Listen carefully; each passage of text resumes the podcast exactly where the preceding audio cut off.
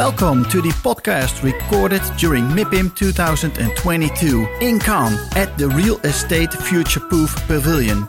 Together with 18 partners and the very best scale ups from the world, we created a pavilion right in the middle of the big corporate real estate companies. Each podcast has its own moderator who is going to talk about topics like ESG, net zero buildings, smart and healthy buildings, tenant engagement, data, communities, physical security, sustainability, innovation, and digitalization. My name is Wouter Truffino. Enjoy listening. Okay. Today we are live from MIPIM Cannes and recording from the Real Estate Future Proof Pavilion organised by the wonderful Wouter Truffino.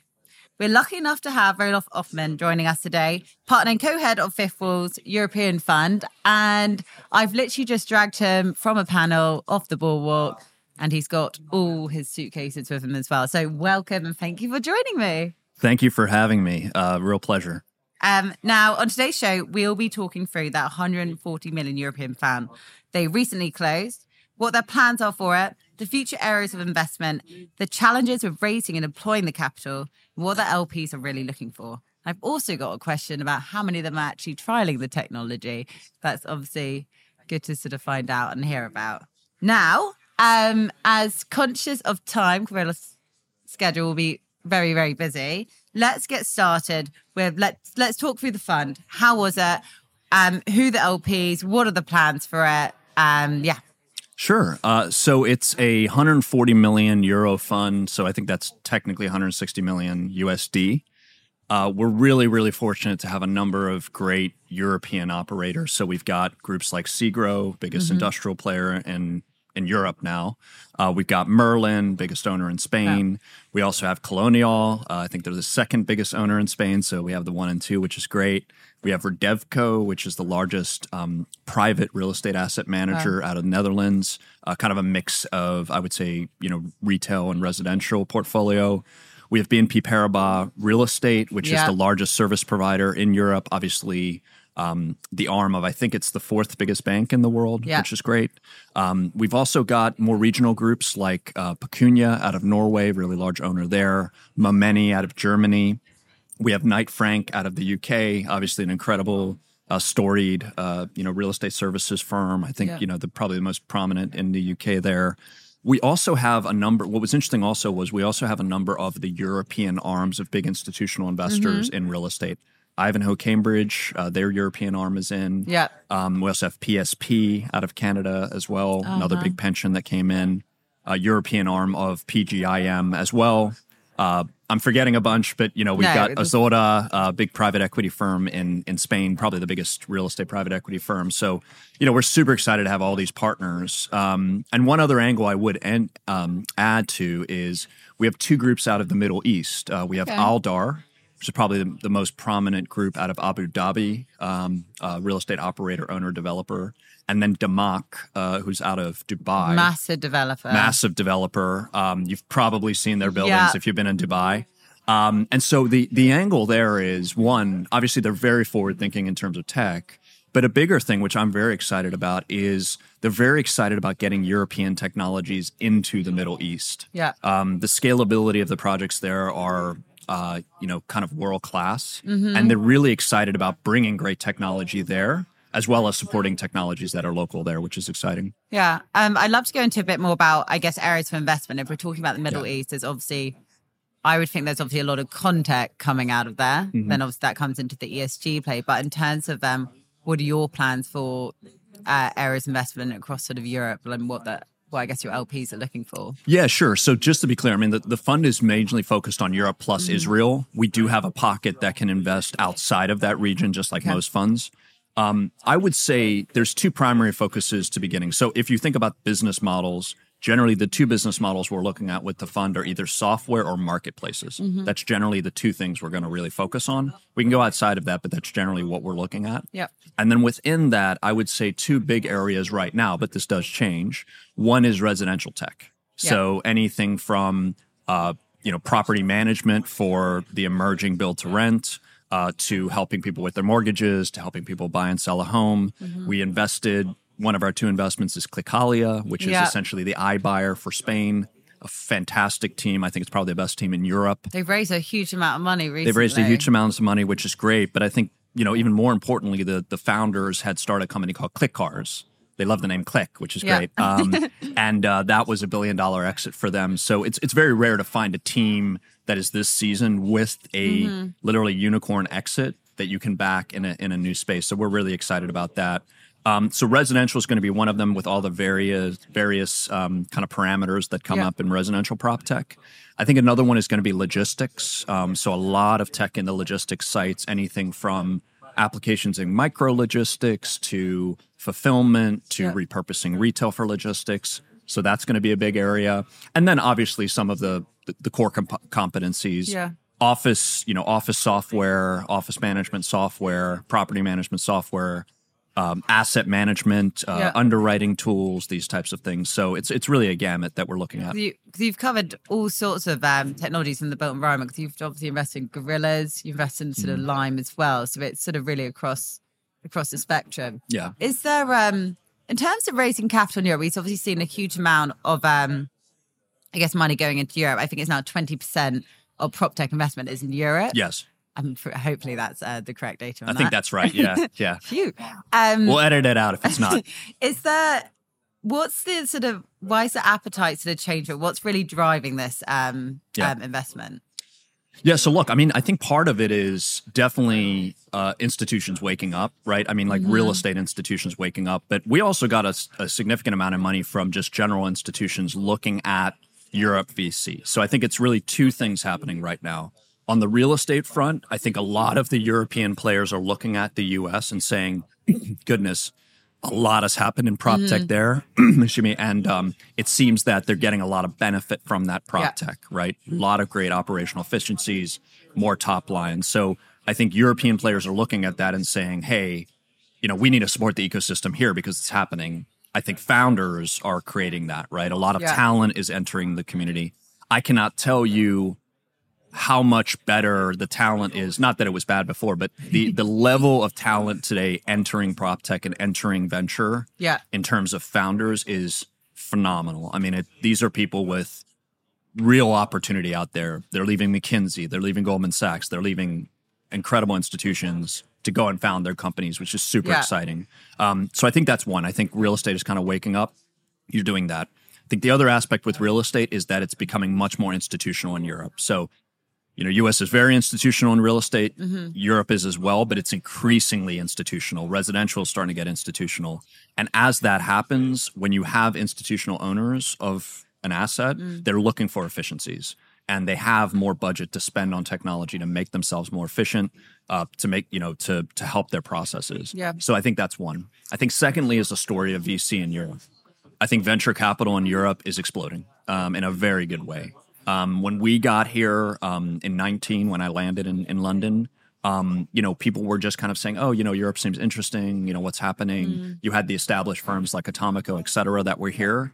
But now you are seeing a huge explosion of raising here Yeah. and a huge explosion of funding. And that's a really good thing. It's not a bubble. I mean, uh, there's just so much opportunity because of uh, really decades of a lack of investment in technology. In a sense, you have this massive deficit you've got to t- get over. Yeah. Um, and so people are seeing that. And so I'm very encouraged by a number of really big firms in the US starting to establish European headquarters, right? Sequoia, um, you know, I think Bessemer is doing it as well. Um, that's a really good sign because they're seeing opportunity in Europe um, Yeah. and, and that talent level. and i guess also as that sort of happens as well we're seeing us businesses coming over yes. like i think turntide one of your investments is coming Yeah. over a few others Yeah, it's really exciting because um, we have this climate tech fund um, that's out there. It's public, um, and without talking too much about the fund, one of the companies, you know, a number of the companies that it's investing in are U.S. based. But what's fascinating, I kind of I, I like to say, is the product market fit. You know, the, the funding may be in the U.S. for pro, for climate tech in in the sense of the opportunities and in terms of the um, companies. But what's amazing is the product market fit is seen in Europe, right? Yeah. energy prices are much higher in Europe than they are in the US. Regulation is much further along in climate Yeah. in Europe than it is in the US. So a company like Turntide, this incredible story is, you know, they came to Europe, we've been helping them in Europe. And now they have more employees in Europe than they do the US. Yeah. And I don't think that's going to be an exception. I think a lot of these companies, particularly in climate tech, that are established in the US are waking up to Europe and realizing it's a fantastic market for their product and for their services. Yeah, I think obviously everything which we've seen happening in Ukraine as well, and the demand on, I guess, a different source of energy is also uh, going to have a part to play in this too. Yeah, I mean, look, I'm not an energy expert, but I do, you know, obviously my job is to be in the space with climate tech. And I think there's a few things there, right? One is supply chain traceability, right? I think a lot of countries are waking up and saying, hey, where is our gas coming from? Where is our oil coming from? Um, and are these stable partners to be with, right? Um, and so they're looking at that traceability factor. Um, and they're also saying we need to get to renewable faster. So if you're seeing Germany, you know, I think that it's really interesting the debate going on there where they're saying we actually need to get to renewables much faster. Yeah. We need to look at other options like nuclear, et cetera, to get there quicker, which is really interesting, right? Um, and also will be incredible for startups in that area, Yeah. right? Um, I think secondly, uh, and more importantly, is you have this thing called demand destruction in commodities where everyone thinks, oh, every oil producer wants the highest oil price. That's not necessarily true because at a certain price, mm. alternatives become viable, Yeah. right? So when oil's at 130, other alternatives become a lot more viable in the renewable space because oil is very expensive. Mm. And I think what you're seeing right now is that because commodities are so high, in natural gas and oil, alternatives that are out there that founders are working on in labs and and working on creatively are starting to become more viable. And I think that's a great thing for the ecosystem. Yeah, I think there's some new legislation in Germany about um, having built most buildings have to have like solar panels on them or Mm-hmm. something like that. Which I know you've got an investment called Aurora Solar, That's right. so I'm That- sure they're thinking, right, let's head over Yeah. to Europe. Yeah, I mean it's you know that's an incredible company. Um, I actually you know was on that deal in the U.S. It was out of our second fund. Um, they're more residential focused, but um, doing incredibly well. Um, and uh, you know, a great team. That's exactly something that we could bring to Europe, but we could also back something domestic here. Yeah. Um, I think the next big thing in solar is going to be what's called CNI, which is commercial and industrial. Okay. Um, so looking at solar on buildings, looking Yeah. at solar on storage uh, facilities, right? Looking at solar on um, logistics facilities. Yeah. All these logistics facilities are massive. They have gigantic uh, roofs, and yet it's all it's doing is just absorbing sun all day. So and you don't have to worry about all these sort of nice buildings which currently surrounding us on um, the promenade in Cannes and destroying them by putting a horrible solar panel on. Yeah, I, and I I also think there's going to be an integration, right? If you remember, Tesla did um, a solar roof tile that Mm. looked just like a roof tile and was able to do solar. So I think it's not going to be, you know, first iteration of things. Yeah. Just go back and look at the iPod or the iPhone. You know, it was good, but it was still kind of clunky, right? Yeah. And so when you have first iterations of things, the key for entrepreneurs is to make this uh, really great for the customer, right? I mean, there Mm. were lots of electric vehicles before Tesla, and what did Elon figure out? Yeah. You needed to have a car that not only was good for the environment, but looked good. Mm. And you look good in it, right? And you enjoyed riding it. And so I think it's a similar with a lot of these technologies that the first iteration may be kind of clunky, may look funky. Yeah. But as really creative minds and interesting people and money comes into the space, you're going to get much better products. Yeah, it's amazing what you can do, and I guess the movement that's happened in technology. Now let's talk about um, a little bit more about the LPs. Um, there's obviously been more integration happening as they sort of take on technologies. How, how have you sort of found that? Obviously, there are a huge amount of investments going in. How many of them are you actually trialing or maybe ta- taking a pilot Yeah. more, and I guess properly on board? Yeah, look, I think so. One, we have a bit of a biased view at Fifth Wall because in order for a company to invest in Fifth Wall, I, I don't want to say that I don't want to be arrogant and say that they're enlightened, but they already have a certain slant to them, right? Yeah. They care about tech enough to do it, right? So for us, we have very high, um, let's say, trial rates, right? Where if we reach out to a partner because we actually integrate our partners into our due diligence. So when we're looking at a company or potentially looking at a company, we'll send it to them and say, "Hey, is this a problem you have? How much would you be willing to pay for it? You know, et cetera. We get this incredible diligence as part of that, which is an edge we feel. Um, and then in the turn tide, if you know, in, in the turn, if they're interested, then we love piloting Yeah. with it, right? We love providing, you know, once we invest, providing that uh, LP as a customer. Yeah. So we get very high rates. Look, there are some that are there just for information purposes, right? They're new to tech. They want to learn a bit. They want to understand how tech is affecting Mm. the water. Testing the water. I would say we've been lucky because you know we were here since 16. We were we were lucky to be one of the early ones, and so we've seen this kind of maturation process of our LPs. Mm. I would say in the early years we were doing a lot of the kind of in, internal innovation work for them, right? In the sense of you know they just wanted to understand what was out there. They wanted to kind of try cool things, Mm. right? They wanted to pilot stuff. They wanted to understand who was going to be the winner in the space, and we were big about doing that. But we were also helping them a lot on the integration. We were Yeah. helping them a lot on the tech. Now, what's beautiful is, you know, they've actually built that internally. So a lot of them have innovation teams. They have a head of innovation. They have these types of tools. And a lot of people say, well, doesn't that make your life harder because there's more people to deal with? No, it's a multiplier. It's a multiplier. it, yeah, exactly. yeah. So now a lot of our partners have that. Now, some are still in the early innings where they're still building that for themselves, like Mm. our early new LPs, but some are already there. And we're, so we're very excited about that development because it lets us focus on what we love focusing on, right? Investing, working with entrepreneurs. Um, and you get the multiplier effect of this internal team that really gets the value from the tech. So It's interesting to say that. Um, we've seen last year in uh, 2021, I was about to say 2022, uh, 2021, uh, there was a 20% increase in innovation managers. yeah, Um, I guess on the Sure. the ESG side, there was a 36% in sustainability consultants. yes. And then around the data piece, there was a 47% Oh increase yeah, in yeah, yeah. They Because love it it. hits both, right? Yeah, yeah, yeah. Um, and now I'm sort of I'm conscious of time. Yeah. We're obviously at MIPIM in Cannes, which is such a treat.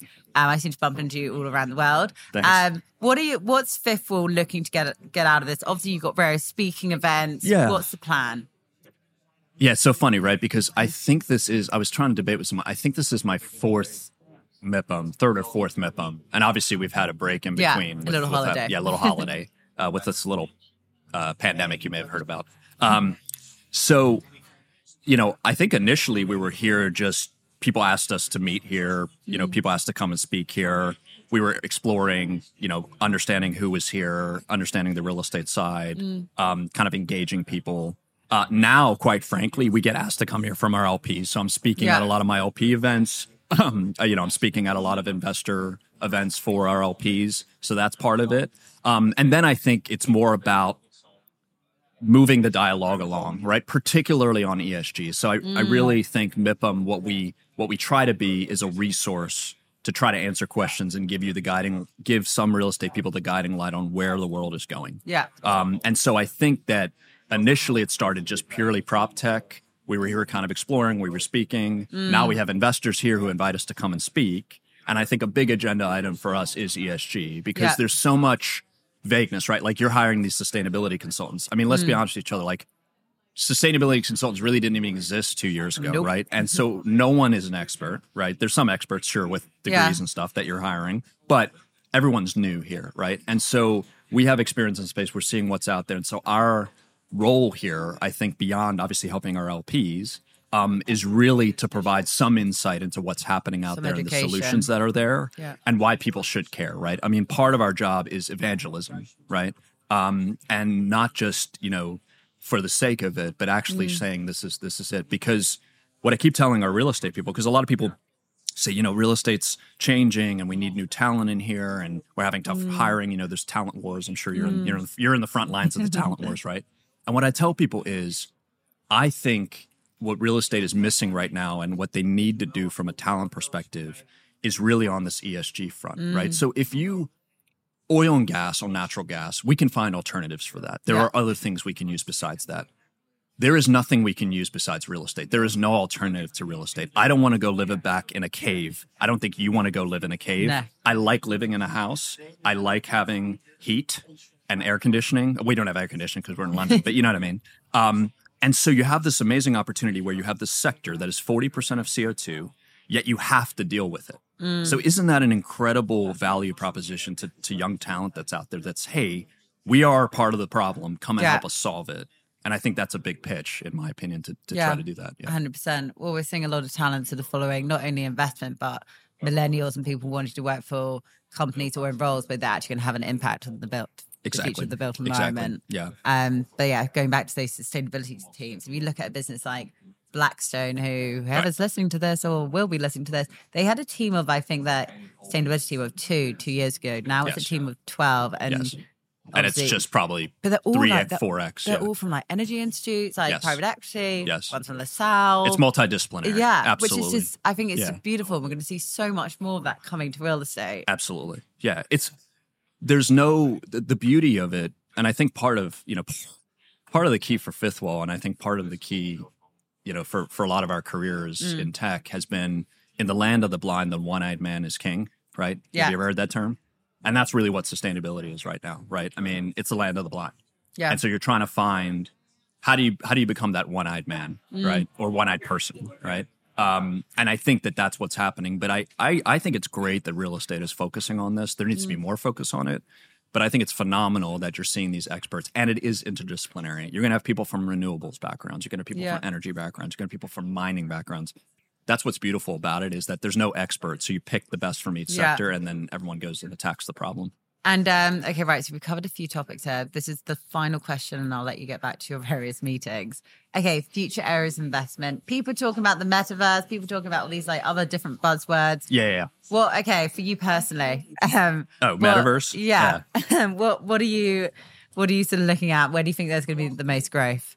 Well, step back for a second. So let's talk about the metaverse for a second, right? so I am not lying to you when I have never received more emails from our investors on one topic in a short Really? period of time than on Okay. the metaverse. So it clearly gets a lot of people that people are thinking about. It's Yeah. interesting. Um, and I'm actually not one of those naysayers that says, oh, it's, you know, people are idiots for looking at it. I think it's very fascinating, right? And our job at Fifth Wall is to kind of take that noise and try to get signals out of it. Um, so I think there's really, in my opinion, three ways to look at the metaverse, and I think this is generally how um, the, the sector's looking at it. The first is it's a giant Ponzi scheme. Okay, that's probably the majority. That's that's probably the majority of what people think. Yeah. Okay, and I'm not saying that's wrong. That's probably the majority likely outcome, Mm. but maybe it's 50, 60 percent. Okay. The second is that the metaverse real estate will act exactly the way real estate works today. Mm-hmm. Okay. That is probably the lowest probability, but it is a probability, right? Mm. Meaning that you will enter the metaverse as your metaverse person and you will buy a home just like you buy a home today. There'll be scarcity of land, there'll be all those different Yeah. things.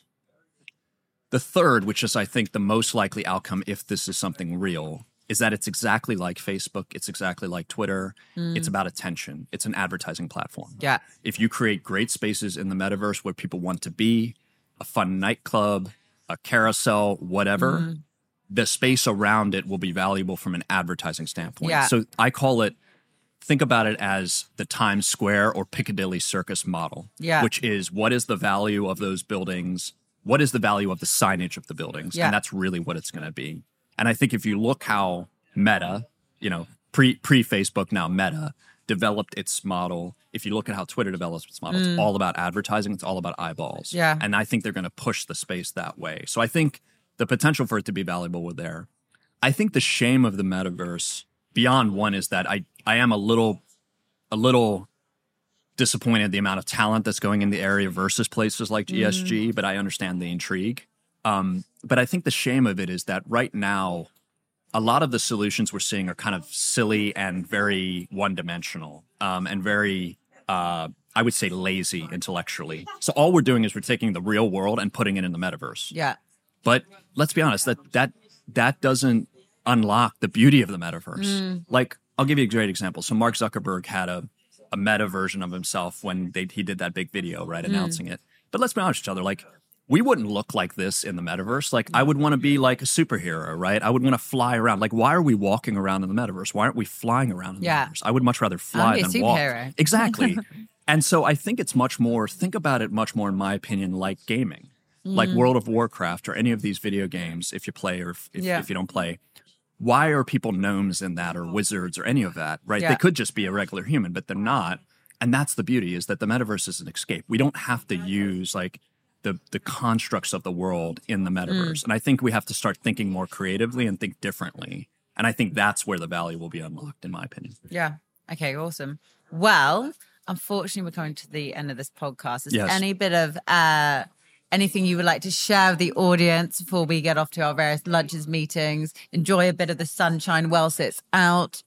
Yeah, look, I mean, I think uh, to real estate owners, I think my message would be, you know, look, it, it appears people are taking climate seriously, but the truth is, I don't think they're taking it as seriously as needed in the sense of, I don't think they realize the regulatory overhang that's about to come down the pike. Um, in the sense of, look at the UK where we're where where I live and where we're from, right? There are bills going through the House Yeah. on residential buildings, commercial buildings. If you talk to a lot of CEOs, they don't really know what they're about, right? And there are massive impacts to that. There was a Tory, which for those not in the UK, conservative uh, uh, member of parliament that is going to put through a new building bill, meaning that like you know you really have to justify being able to create a new building, and new buildings have to be green and et cetera. So it doesn't matter if the party is conservative or or, or liberal in Yeah. Europe. Everyone's green, everyone's sustainable, and I think what's going to eventually happen is I think we're going to eventually tax carbon um, in all sectors. Um, and so, what does that mean? That means investing in solutions today and taking this seriously today Mm. is going to have massive impacts on your bottom line. Not only because you'll be able to sell buildings better with a Yeah. green premium, but it'd also be more about the brown discount, right? The discount of you'll have going to have to sell a building at if it's not green and not sustainable. Mm. So to me, I think people need to take this seriously, not only because it's a good thing to do or not only because your tenants care about it, but because the regulation coming down the pike now is going to be very serious Yeah. um, and very punitive if you're not taking this seriously. So, Yeah. Would have thought after top, uh, COP26 and all these new regulations that people would start taking it seriously. But I guess it's it's a change in mindset. Well, I think people need examples. And I think it's going to be the first building in London that sells at a steep discount Yeah.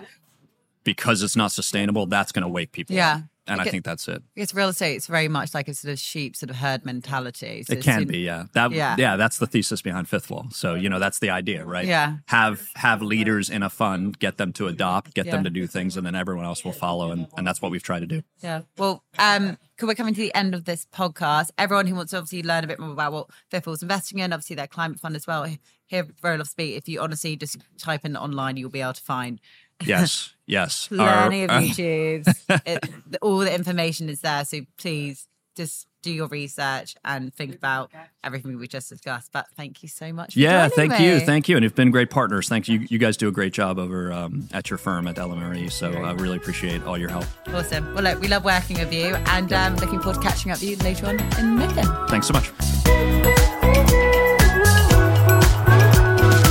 Thank you for listening to this podcast recorded during MIPIM in Cannes 2022 at the Real Estate Future Proof Pavilion. I hope you like this podcast and I hope that we'll see you back next year at the MIPIM and we will come back to you as soon as possible with new episodes in English because we are going to try to create also a real estate and future proof pavilion at the Expo Real in Germany. If you are interested in this pavilion during the Expo in Germany, please contact me, Wouter Truffino, via LinkedIn or just send me an email at wouter at contactproptech.nl. Enjoy your day. Hope to see you soon.